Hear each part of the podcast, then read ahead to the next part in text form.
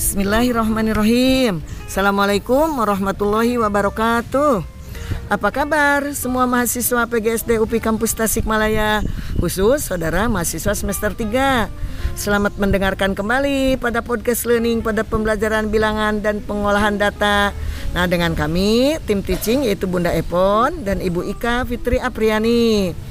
Nah, inti perkuliahan ini adalah tentang bilangan, mulai dari konsep sampai dengan penggunaan bilangan dan sampai dengan operasi hitung, ya jenis bilangan dan sebagainya. Sedangkan dalam pengolahan data, kita akan mempelajari cara memperoleh data, mengumpulkan data, mengolah sampai menyajikan data.